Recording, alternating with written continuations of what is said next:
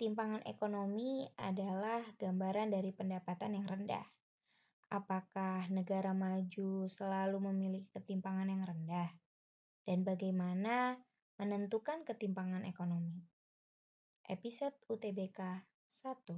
Kurva Lorenz dan koefisien Gini.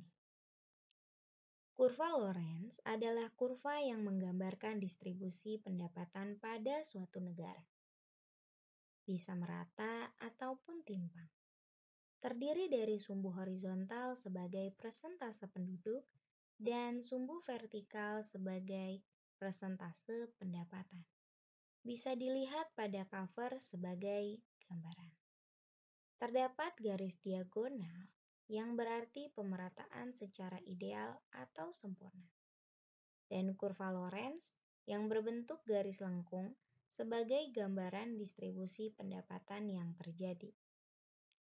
Lalu, selanjutnya ada koefisien Gini yang membandingkan daerah A dibagi daerah A tambah B. Hasil dari koefisien tersebut akan masuk dalam kategori pertama, ketimpangan rendah bila kurang dari 0,4 atau sebanding dengan 40%. Kedua, ketimpangan sedang bila berkisar 0,4 sampai 0,5 atau sebanding dengan 40% sampai dengan 50%.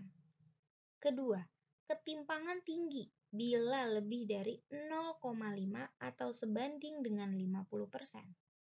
Dan menurut Bank Dunia, hal tersebut berarti dapat diartikan sebagai tinggi saat 20% kelompok termiskin dengan pengeluaran kurang dari 12% dari pendapatan nasional.